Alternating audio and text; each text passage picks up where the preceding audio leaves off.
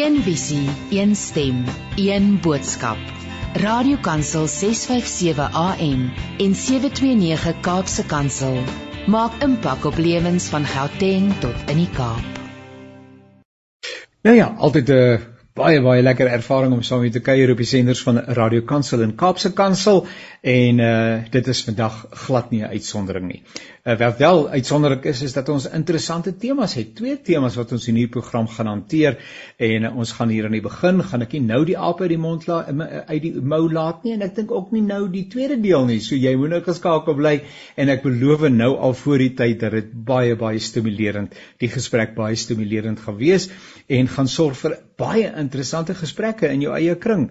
Onthou die programme van Radio Kansel uh, natuurlik beskikbaar is as 'n potgooi by ons webtuiste uh, www.radiokansel.co.za en daar gaan kyk jy na ehm um, naweek aktualiteit of naweek aktueel by die potgoeie en dan ewens ewen eweneens ons uh, woensdag aktualiteitsprogram in naam van perspektief waar ons hierdie week 'n bietjie uh, gesels het oor uh dit wat tans of wat in gedurende die afgelope week in die parlement plaasgevind het, uh die beredenering uh van die staatspresident se voordrag en uh alles wat daaruit voortvloei, 'n lekker interessante gesprek wat ons met mekaar gehad het. Nietemin, baie dankie ook aan Zani wat vir ons die tegniese versorging van die program behartig. Ek het twee gaste en ek so bly dat hulle uh die tyd vind om saam te kuier. Ek begin by Dr Wim Vergeer en hy's verbonde aan die Grofbede Kerk is dit Kreersdorp of ek weet julle sê die Damkerk ek moet hom nou nie Engels sê nie Wim dan is ek in die moeilikheid hier op hierdie heilige lig uh, waarop ek uitsaai. Uh, maar vertel vir ons 'n bietjie van die gemeente waarin jy verbonde is en ietsie van jou eie konteks asseblief. Ja middag Jannie middag Gerard en luisteraars. Ja ek is die ek het die voorreg om die laaste 16 jaar in die Gereformeerde Kerk Kreersdorp predikant te wees voorheen Potchefstroom Oos en voor dit in Randfontein Noord. Ja, ehm um, ons is maar bedrywig met die bedieningsaktiwiteite. Jannie, jy was jare my kollega daar in die NG Kerk. Ehm um, ons uh, ons woon, dit gaan baie goed met die gemeente. Ons is ons is dankbaar vir vir die Here se genadige beskerming ook in hierdie COVID tyd en miskien is dit juist waaroor ons 'n bietjie verder gaan gesels. Baie dankie uh Wim, dit is 'n voorreg om saam met te kuier.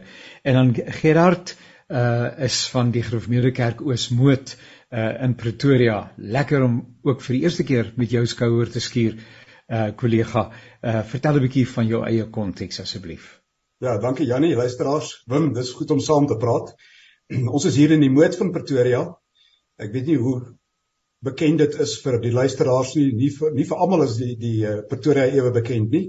Maar ons is net so teen aan die hange van die Magaliesberg waar daar 'n uh, 'n klomp um, kerke is, klomp Afrikaanssprekende kerke ook waarvan ons nou een is.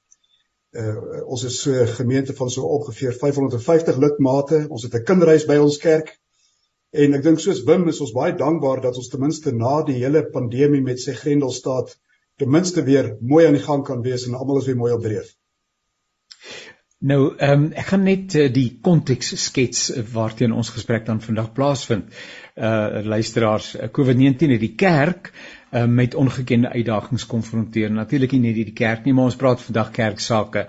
Uh uitdagings wat die kerk met oortuiging en entoesiasme aanvaar het. Gelowiges kon gedurende die traumatiese tyd steeds met die woord bedien word terwyl inperking en ander maatreëls gegeld het.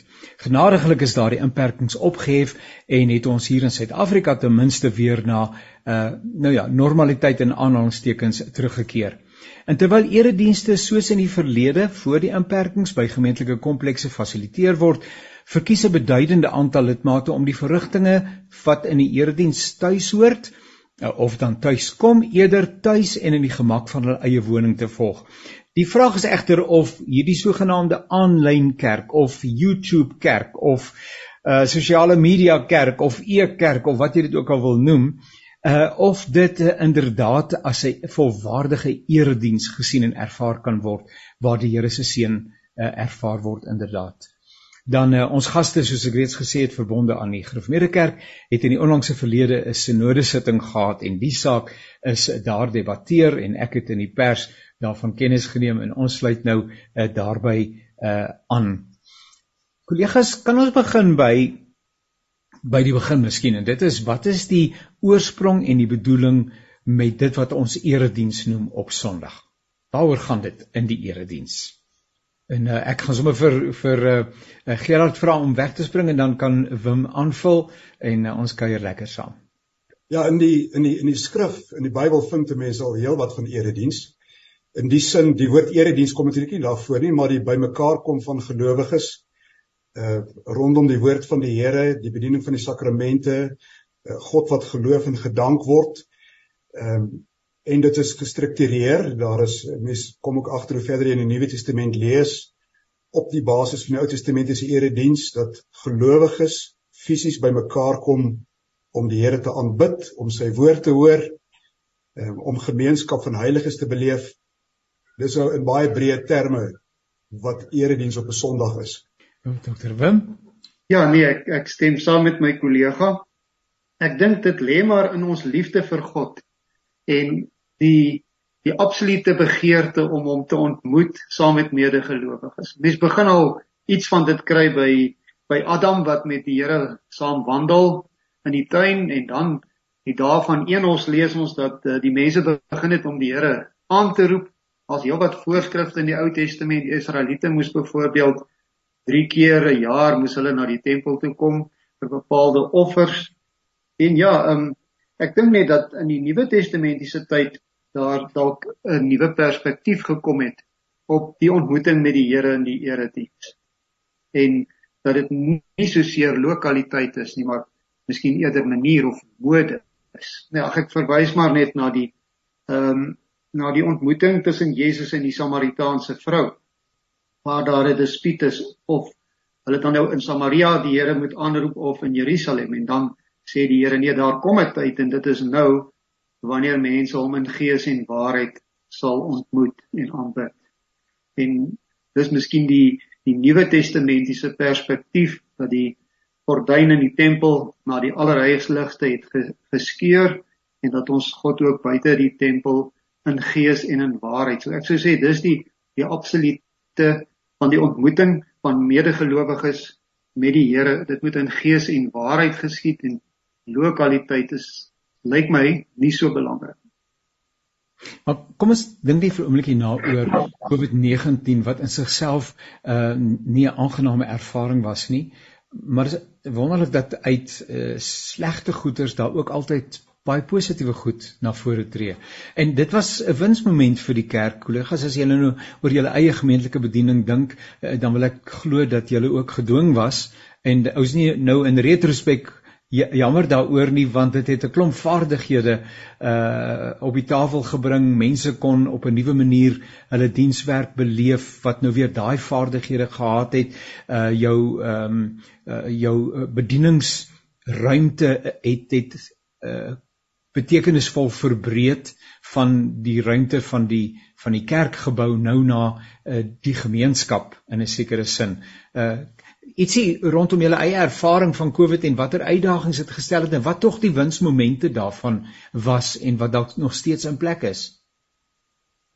Ja, ek dink tog dat ehm um, dat COVID het mense op baie maniere baie bewus gemaak aan die een kant van die Here se onbeskryflike genade dat, dat dat die kerk as gemeenskap van gelowiges kon saam staan, mekaar kon help, mekaar kon dien en saam nog die Here kon aanbid selfs in sulke moeilike omstandighede die woord kon hoor. Ons het al die middele tot ons beskikking gehad.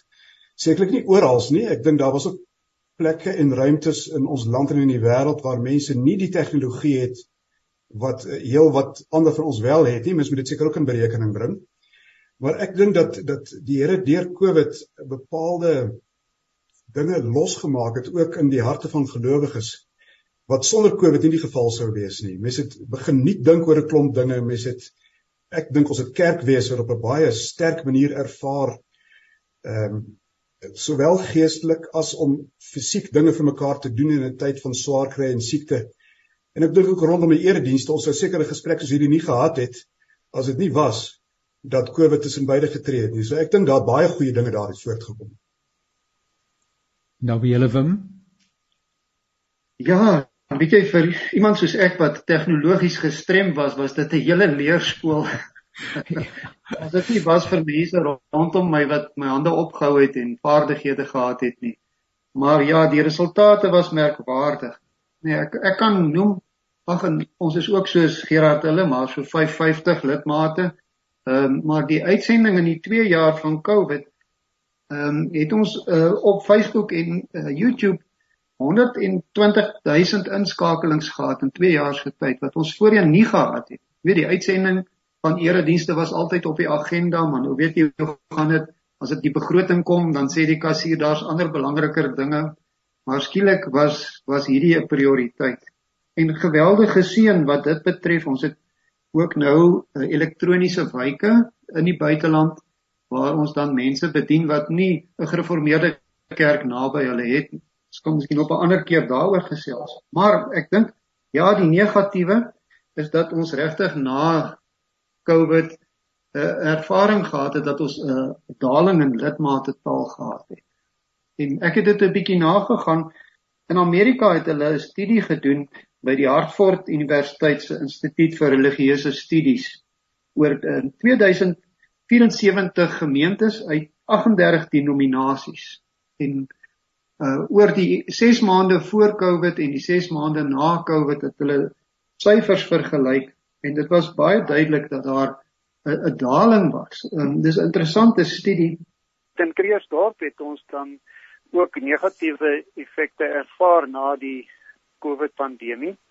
Uh, in die 6 maande voor die pandemie was ons oggendediens deelname 72% van die gemeente. Maar in die 6 maande na die pandemie verby is het ons 49% van die lidmate weer teruggekry in die kerk. Nou goed uiteraard dis dit die eerste prys ons wil graag ons lidmate in die eredienste hê. So die ouderlinge met maar met huisbesoeke aangemoedig en ons staan op hierdie stadium so in die 63% van lidmate wat weer terug is by die kerk, maar dit is soos jy gesê het Jannie, dat 'n gedeelte van die lidmate uh, blykbaar uh, dis nie altyd dieselfde lidmate nie, maar dat lidmate soms verkies om wel die eredienste tuis mee te maak. Nou die saak ehm um, Gerard het nou by die sinode op die tafel gekom. Ehm um, wat presies is die probleemstelling? Ja, die ek dink is 'n baie belangrike vraag dat ons presies weet waaroor gaan dit. Die ja. die laat ek eers sê waaroor dit nie gaan nie. Ja. Dit gaan nie oor die vraag of 'n erediens uitgesaai kan word en hoe belangrik dit is en dat mense ook in die buiteland en in hospitale en waar ook al eredienste kan volg nie. Uiteindelik dit is ruimtes wat die Here gee wat ten volle benut word waaroor ons baie dankbaar is en ons doen dit al 'n klomp jare ook al voor Covid. Die die vraag op die tafel is terwyl die Grendelstaat daar was en niemand fisies in 'n kerk bymekaar kon kom nie. Het die vraag by sekere medegelowiges na vore gekom: Is daardie nie daar wees van die lidmate terwyl daar wel 'n dominee is wat preek en voorgaan in die erediens, is dit werklik nog 'n erediens? Of is dit so beskik dat daar in vir 'n tyd lank net doodgevoudig nie eredienste was nie, daar's bloot net uitsendings uitgestuur. Met ander woorde moes eredienste opgeskort word vir 'n tyd lank. Dis 'n dis 'n baie basiese teologiese vraag. En onderliggend aan daardie vraag is die saak moet 'n mens nie ten minste fisies bymekaar wees om ten minste 'n erediens te kan hou nie en dan as mens dan 'n erediens het, dan kan jy natuurlik uitsaai. Dit kan wel. Maar as die vraag het gekom vanuit die Grendelstaat wat niemand fisies in 'n kerk kon wees nie. Het 'n mens dan 'n erediens ja of nee? Dit dis wat die vraag begin het en daar's oor besin en daar's verskillende menings oor en uiteindelik omdat dit oor erediens gaan, dis so 'n belangrike deel van 'n gelowige se lewe, dis die dis die eintlik die hart van ons godsdiens. Wou ons graag oor hierdie vraag klarigheid hê sodat almal kan rustigheid in hulle gemoed hê. Persoonlik um, wil ek nie te veel te sterk standpunt inneem nie want daar's my na weerskante toe 'n saak vir uit te maak. Ek is net baie dankbaar dat die woord van die Here bedien kon bly word en dat mense die woord kon hoor en dat mense kon aanbid ook in die tyd van die Grendelstaat. Uh, maar ek kan verstaan dat vir sekere mense hulle soek 'n antwoord op hierdie vraag. En so het die vraag op die tafel gekom en uiteindelik het dit by die algemene sinode uitgekom omdat dit maar eintlik al die kerke in die wêreld, uh, nie net in Suid-Afrika nie, maar selfs wêreldwyd raak dit die kerke. Het ons 'n erediens? as mens nie fisies in die erediens kan wees nie of het ons dan nie erediens nie, het mens dan iets anders? Dit is die vraag wat ek vra.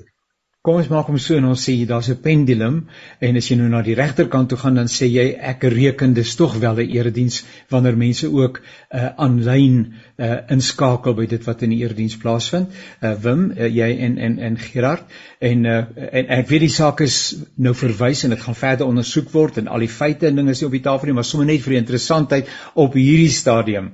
En en as jy as jy as jy as daardie pendulum na links beweeg dan sê jy nee, op die stadium voel ek dat uh, erediens veel eer die die karakter van die erediens uh, dalk iets wat uh, geraak word en ek sou tog dink dat daar meer erediens ter sprake is wanneer mense in die erediens teregkom. So ek wil sommer dit so vra, ek ek wil julle pols net oor waar julle jouself tans posisioneer sonder dat dit enige krisis veroorsaak en mense geregtig op jou eie 'n uh, uh, uh, belewenis en en oortuiging in die verband. So kom ek begin by jou Wim Wim. Ehm um, uh, is dit oukei okay, beleef mense erediens van hulle by die huis is? Ehm um, of uh, um, daai daai woordjie liggaamlikheid het ek iewers in een van die uh, berigte raak gelees. Moet 'n mens liggaamlik teenwoordig wees waar die sakrament bedien word en die woord verkondig word en so aan. Wim, wat is jou oortuiging op hierdie stadium? Kom ons uh, gee 'n groot stuk voorlopigheid daaraan.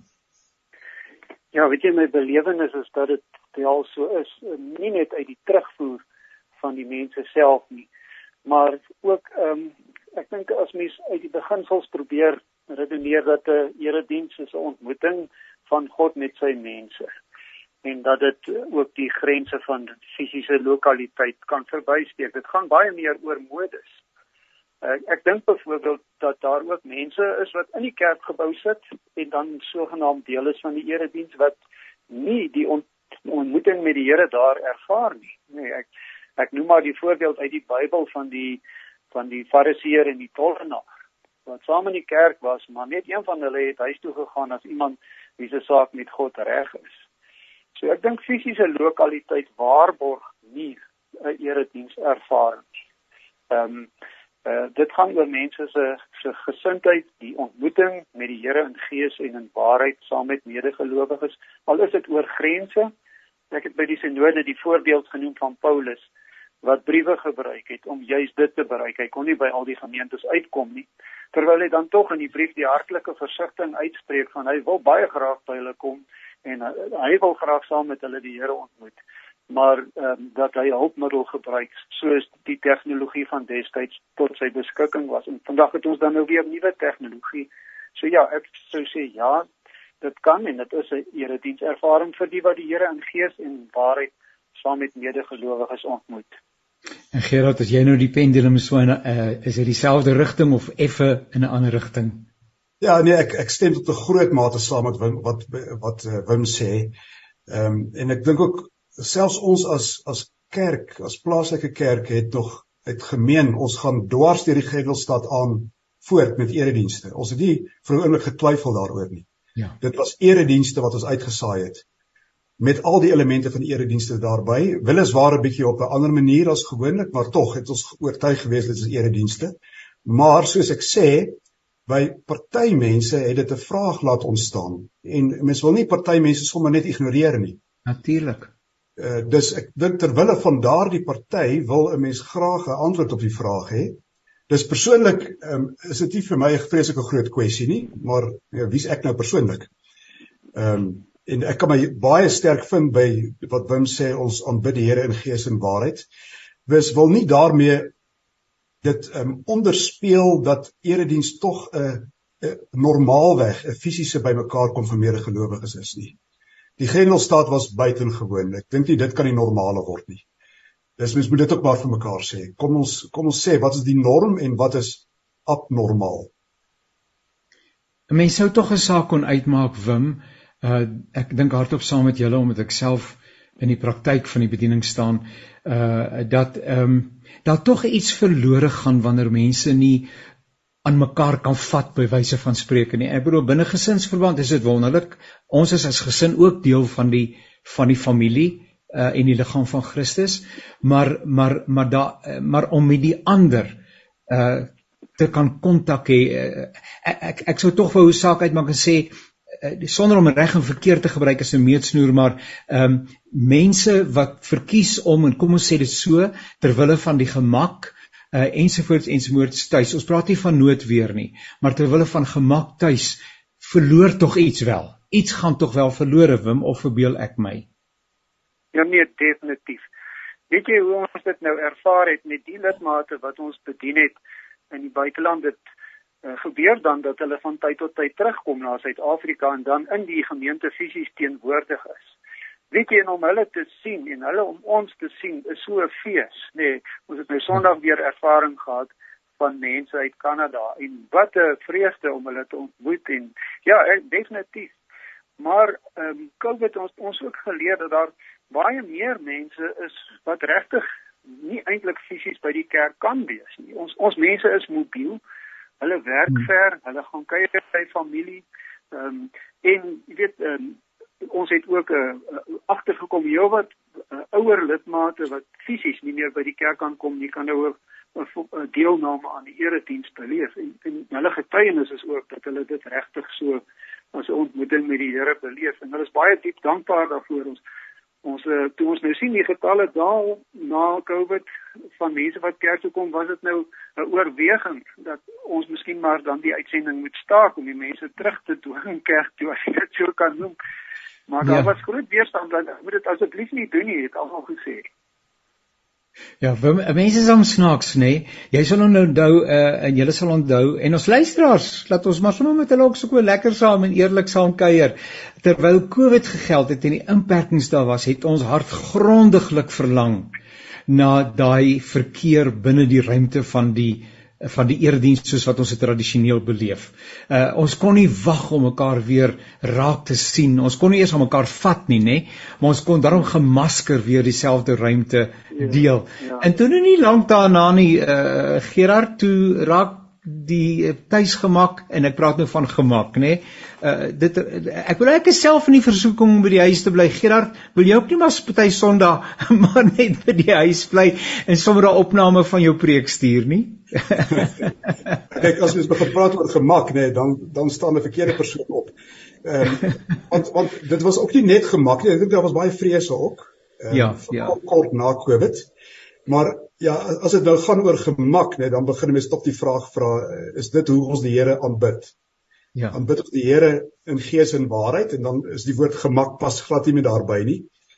Ehm ek dink tog deur bloot op te staan, gereed te maak by die kerk te kom is al klaar 'n stuk erediens. Jy jy doen iets om daarby uit te kom. Ehm um, as jy net bloot in jou bed bly lê, dan is dit heeltemal iets anders. Ehm um, En nou nou nou praat ek nie van die mense wat noodgedwonge nie by die erediens kan kom nie. Ons praat nou regtig net van mense vir wie e kerk nou maar eintlik 'n maklike manier van kerk geword het. Ja. Ek en, en dit wat Wim sê oor die buitelanders kan ons maar net beamoen. Ons het ook buitelandse wyke. Lidmate wat ons in die buiteland bedien en daardie mense smag na fisies bymekaar kom. Hulle verlang. Ek wonder partykeer of ons wat so naby kerke is nie bederf geraak het nie. Ja. Ehm um, dit is so maklik eintlik om kerk toe te gaan, maar dit is nog makliker om by die huis te wees. En dan is my kritiese vraag, is daardie gemaksig nog regtig is dit oorgegewenheid aan God? Is dit is dit ook die Here moet aanbid? In so 'n belangrike ruimte soos in die erediens. Nou ja, ek gaan nie daaroor uitsprake maak nie, maar ek ja. vra daaroor. Nou ja, gelukkig is eh, die saak dan nou verwys. Uh iemand soos Koos kom wys, skud sy kop daaroor, maar ons het nou nie tyd om dit te beredeneer nie. Miskien by 'n volgende geleentheid dat 'n saak 3 jaar kan neem uh voordat daar klarigheid kom oor so ietsie terwyl daar volgens sy oortuiging belangriker dinge is waaroor die kerk moet gesels. Aan die ander kant, Gerard het reg verwys daarna dat die erediens in die hart van die die kerk se werk staan en vanuit daai perspektief kan mens verstaan dat daar erns daarmee gemaak word. Nietemin eh, Dr eh, Gerard uh, Meyer baie baie dankie vir u deelname. Dit was 'n groot voorreg en ek hoop dat ons gou weer kan saamkuier. Dis 'n voorreg. Dankie Jannie. En dan Dr Wim Vergeer, baie dankie kollega en buurman, uh, ook vir jou uh, tyd wat jy op sy gesit het en mag dit met jou ook sommer baie baie goed gaan. Baie dankie Jannie. Gegroet Gerard en luisteraars. Nou ja, ons het hom lekker gesels met die twee gereformeerde dominees, nê? En of 'n uh, aanlyn kerk nou dan nou kerk is of nie. Ai, daar's soveel interessante dinge om oor te gesels. En ewenigs gesels ek nou met professor uh, Tanya van Wyk en ons het al lekker gekuier in die verlede. Kom ek hoor eers Tanya daar aan jou kant dinge. Okay. Ja, dankie Jannie. Goeiemiddag almal wat ook hierna luister. Jannie, is lekker om weer saam met julle te kuier. Dit gaan baie goed hier by die universiteit. Die eerste jaar het aangekom. Dit is besig. Alles is in rep en roer.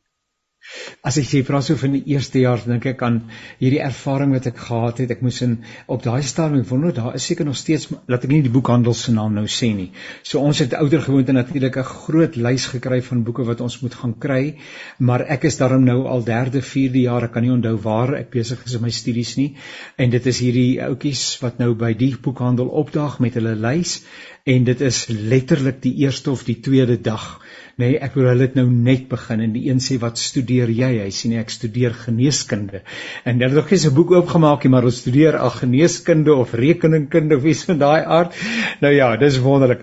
Uh, uh, uh, uh, Tanya ek en jy wil 'n bietjie gesels oor en vir ons luisteraars. Ek kom ek kom kom ek lei die gesprek in.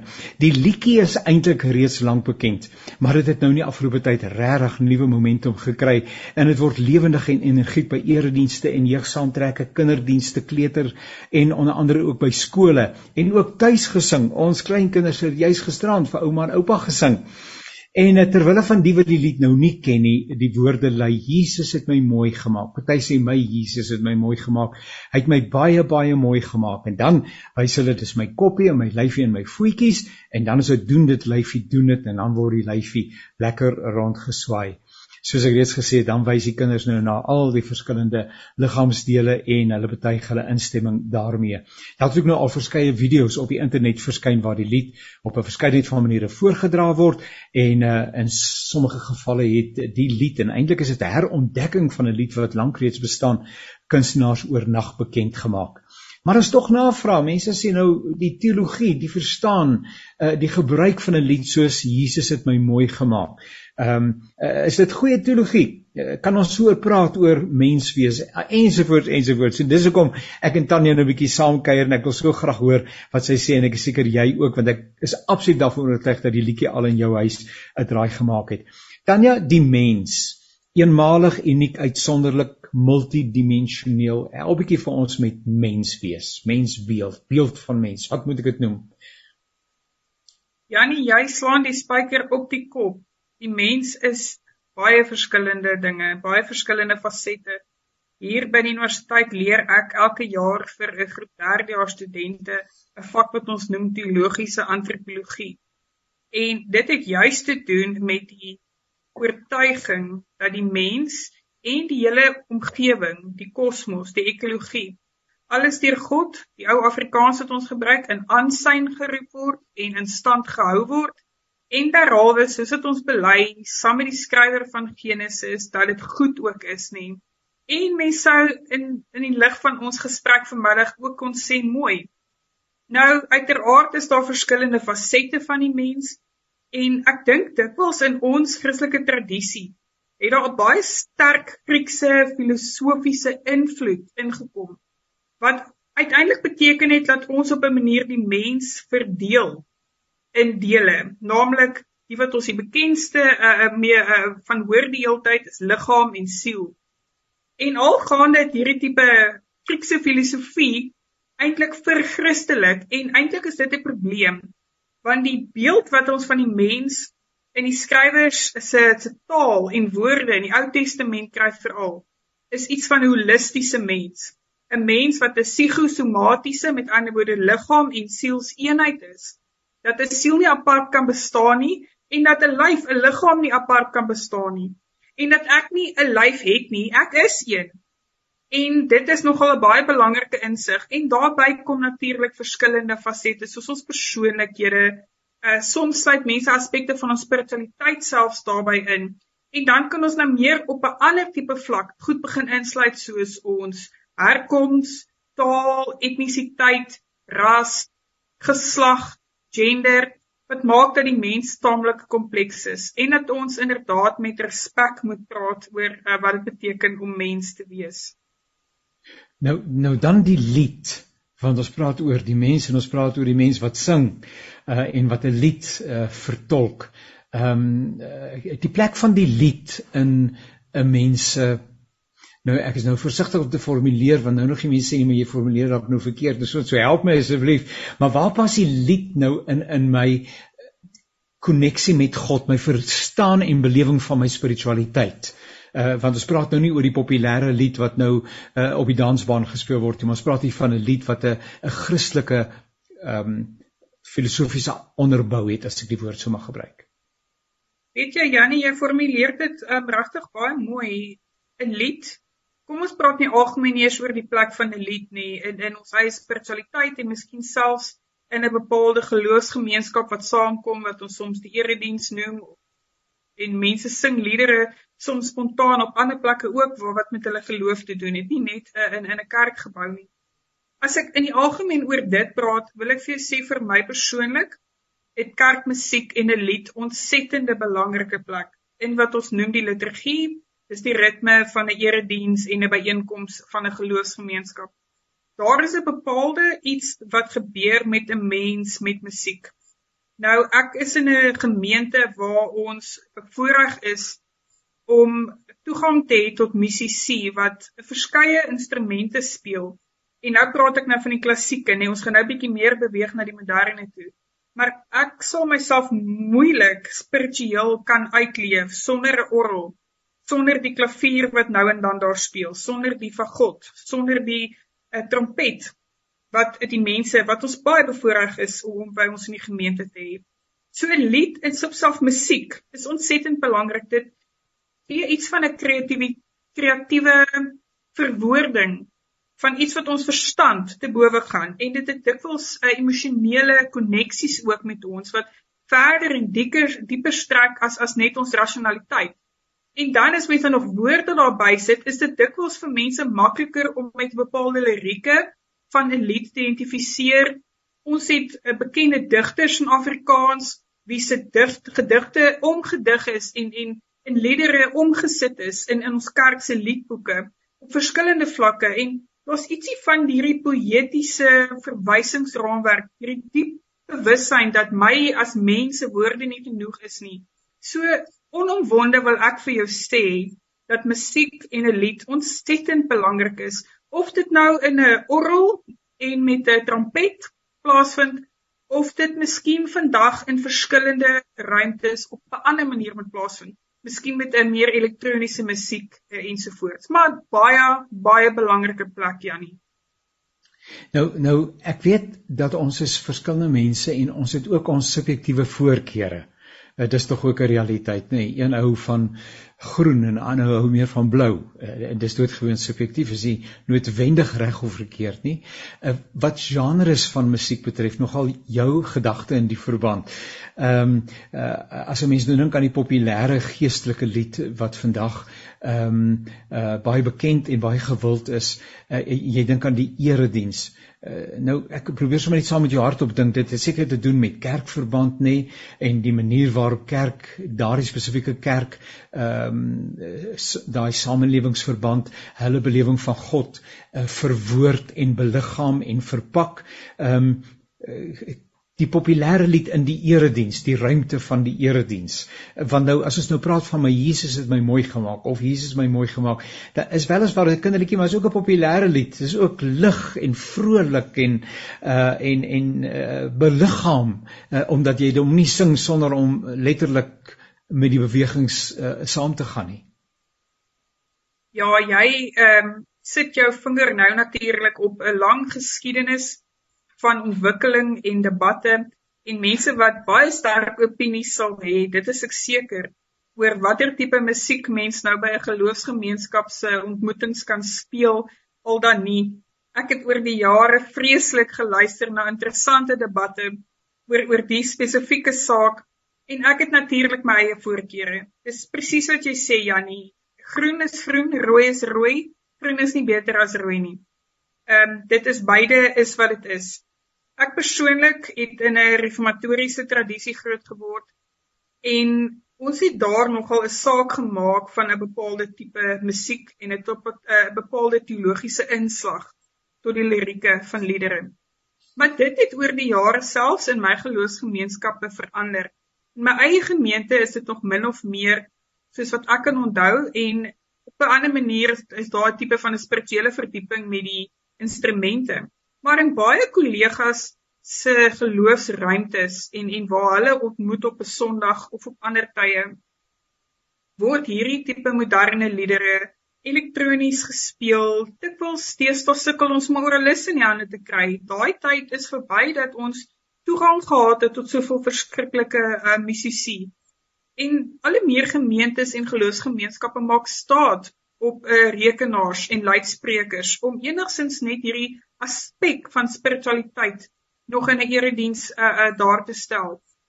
En dan moet mens natuurlik baie mooi oplet na jou gehoor, na die spiritualiteit van jou spesifieke gemeenskap.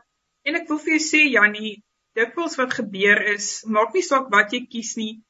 Daar gaan 'n persentasie van jou mense wees wat miskien nie heeltemal gemaklik is met wat jy gekies het nie.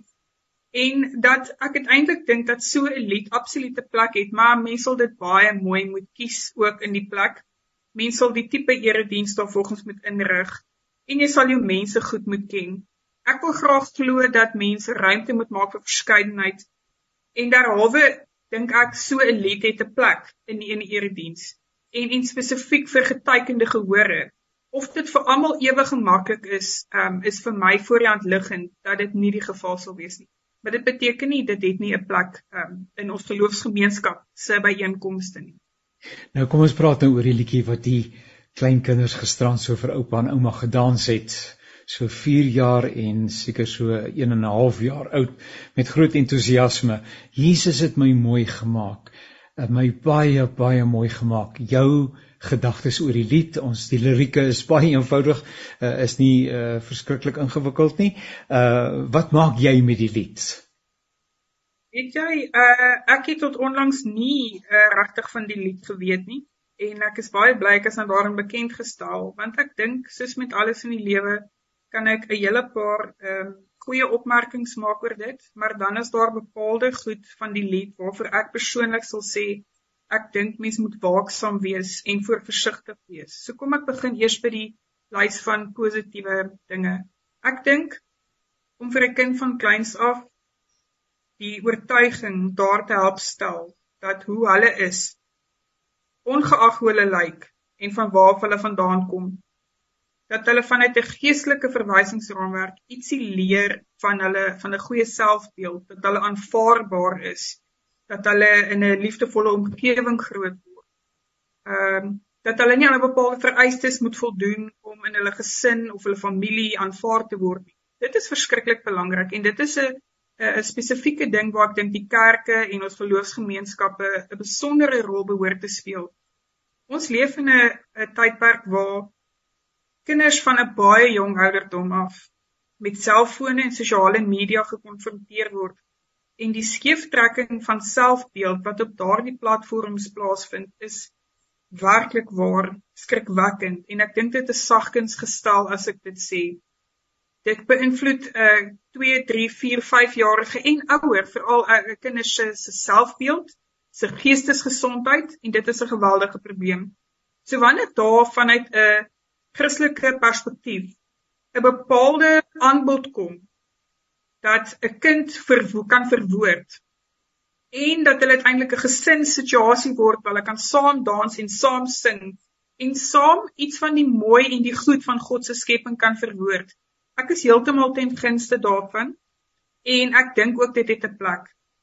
Ek is tog 'n klein bietjie versigtig en dit sluit aan by van my vorige opmerkings. Twee goed dink ek wil ek binne in hierdie uh tyd wat ons het om met mekaar te praat uitlig. Die woord mooi dra in ons sosiale samelewing ongelooflike baie bagasie. En mooi het amper 'n tipe van 'n spesifieke definisie geword. Wanneer 'n kind daardie lirieke sing, sal 'n ouer of 'n uh, of of 'n voog of 'n familielid baie spesifiek met 'n kind 'n gesprek moet hê oor wat beteken mooi en of mooi enigstens die regte woord is. Ons dink hier aan uh, verskillende kinders wat met verskillende uitdagings gebore word. En as hulle hierdie lied hoor, Sal hulle probeer om daarbey in te pas? Sal hulle saam met hulle maatjies kan dans? Of gaan almal outomaties dink dat daar sekere groep mense is wat voldoen aan mooi en nie mooi nie? Gaan kinders wil hulle self mooi maak? Jy kan hoor daar moet 'n gesprek plaasvind en so lied is dan juis omdat dit so vreeslik populêr is, die regte oomblik en die regte geleentheid om met kinders hierdie gesprek te hê van 'n baie jong ouderdom af. En dan my tweede klein effense sagte bekommernis. Ek weet dit kom vandaan van 'n kinderlied, maar ons is in ons Afrikaanse taal soms geneig om te veel verkleinwoorde te gebruik. En 'n kind dink ek kan van kleins af leer dat alles wat hulle met met hulle te doen het, nie met verkleinwoorde altyd te doen het nie. Op 'n stadium Janie het dit 'n invloed op 'n kind se siege. Want dan word hulle die klein kind, die onsigbare gemaak, die een wat gesien moet word, maar nie gehoor moet word nie. En soos met alles in die lewe moet mens hierdie balans aanhou dit net handhaaf en ek dink as ek daai twee kritiese goed net op die tafel kan sit en as iemand daai tipe gesprekke het en luister na hulle taal dan dink ek as ek oor die lirieke van die woorde ag die lirieke van die lied heeltemal gemaklik hoe dit hier en daar soos dit gegroei het op die internet uitgebeeld word daarmee 'n bietjie meer ongemak uh, maar die lied self bied ongelooflike geleentheid vir 'n klomp opvoeding uh en 'n klomp self uh, versekerdheid om 'n kind in te prent as dit op die regte manier gedoen word. Maak gerus dan 'n generiese opmerking want daar is verskeie sulke uh, video-opnames en primêr gebeur dit op dieselfde manier. Ehm um, daar is 'n bietjie verskil, maar maar maar dit is gewoonlik lekker ritmies en daar word gedans en daar word uh, vir kinders vertoon waar hulle in verskillende uh settings uh uitdrukking gee aan hulle liggaamlikheid, hulle verstaan daarvan en en en hulle viering daarvan en dis meer wat sou uh ewenigs saam met die ander uh, bekommernisse, jy het gepraat van 'n sagte bekommernis wat vir my 'n mooi woord is. Dalk 'n sagte bekommernis in die verband want hy gaan sekerlik weer uh iewers opgeneem word. My sagte bekommernis oor een spesifieke of twee uitbeeldings van die lirieke wat ek gesien het is dat dit op die grens kan raak van 'n bepaalde suggestiewe tipe um manier waar daarna na die liggaam verwys word. Um as dit as as in as so 'n lied byvoorbeeld oorwegend deur vroue gesing word, dan kan dit 'n bepaalde selfbeeld probleem druk plaas op jong meisies van hoe hulle moet lyk. En dit is glad nie die bedoeling van die lied nie. Maar as dit elke keer op 'n bepaalde manier gesing word en uitgebeeld word, is dit my sagte bekommernis Ons mense is ongelooflik beïnvloedbaar en almal het hulle eie verstand so hulle kan dink. Maar hier 'n herhaaldelike boodskap van hoe 'n meisie moet lyk en hoe sy moet wees om aanvaarbaar te wees, dis my problematies. En so lied het die moontlikheid, sê nie dit gebeur die hele tyd nie, maar 'n uitbeelding van so iets het beslis die gevaar dat dit uiteindelik 'n uitbeelding raak van 'n spesifieke liggaamsbou of 'n spesifieke voorkoms en dat daar onbewuslik bepaalde suggestiewe lyflike uh, uh bewegings saam met dit onbewuslik deurgegee word aan die kyker en ek dink dit is maar net iets waarop ons baie bedag moet wees. Op sonder op sommenderwys eh, Tanya, as ons dan nou weer oor die lied dink en ons dink steeds oor hom, my Jesus het my mooi gemaak, het my baie baie mooi gemaak, is my koppie en my lyfie en my voete. Nou ek wys natuurlik aspres verkeerd wanneer die klein kinders hier is, so my koppie sit onder by my voete, my voete bo my koppie en dit uh, sorg natuurlik vir 'n heerlike geskater en oupa moet terug baba klas toe, want oupa weet niks van hoe dit werk nie. Maar op sommenderwys dan oor die lied op sommige gewys dink ek dat kinderliedere 'n besondere uh instrument is om 'n spesifieke taal vir 'n kind 'n spesifieke geloofswaarheid en lewenswaarheid oor te dra. Ek het soms die bekommernis dat ons nie genoeg um diepsinnig nadink oor die lirieke nie en dat daar altyd die potensiële gevaar is vir onbedoelde boodskappe om oorgegee te word. As ons wys na ons koppie en ons lyfie en ons voete en ons praat weer van mense wat in verskeie dele van die wêreld uh, op verskillende maniere gebore word. Dan moet ons net versigtig wees dat dit uiteindelik nie 'n blou druk word vir hoe 'n kind moet wees en optree en praat en lyk nie. En in daai opsig dink ek kinderliedere het hier 'n ongelooflike uh, vermoë en potensiaal om dit uh, deur te bring. Die hele die hele eerste stukkie byvoorbeeld oor Jesus het my mooi gemaak. Mense byvoorbeeld dit kon uitbrei in plaas van Jesus te sê, uh weet praat oor maar God en die, die skepping. En dit is sodat jonger kinders dikwels met 'n uh, 'n uh, Jesus en 'n liewe Jesus identifiseer. Maar ek sal aan daai kant net weer versigtig wees om ook, jy weet, kom ons sit bietjie daar denke daarin en kyk hoe ons hierdie bepaalde wysheid wat so nodig is vir 'n kind kan uh, oorbring. Maar in die algemeen dink ek ons kan beslis die potensiaal van kinderliedere om geloofswaarhede uh, by kinders tuis te bring, moet ons ontgin. Ek absoluut. Professor Tanya van Wyk Universiteit van Pretoria baie baie dankie. Dit was 'n lekker gesprek interessant. En ek dink dat baie mense dit uh, interessant vind. Uh, trouens ek dink deur die bank.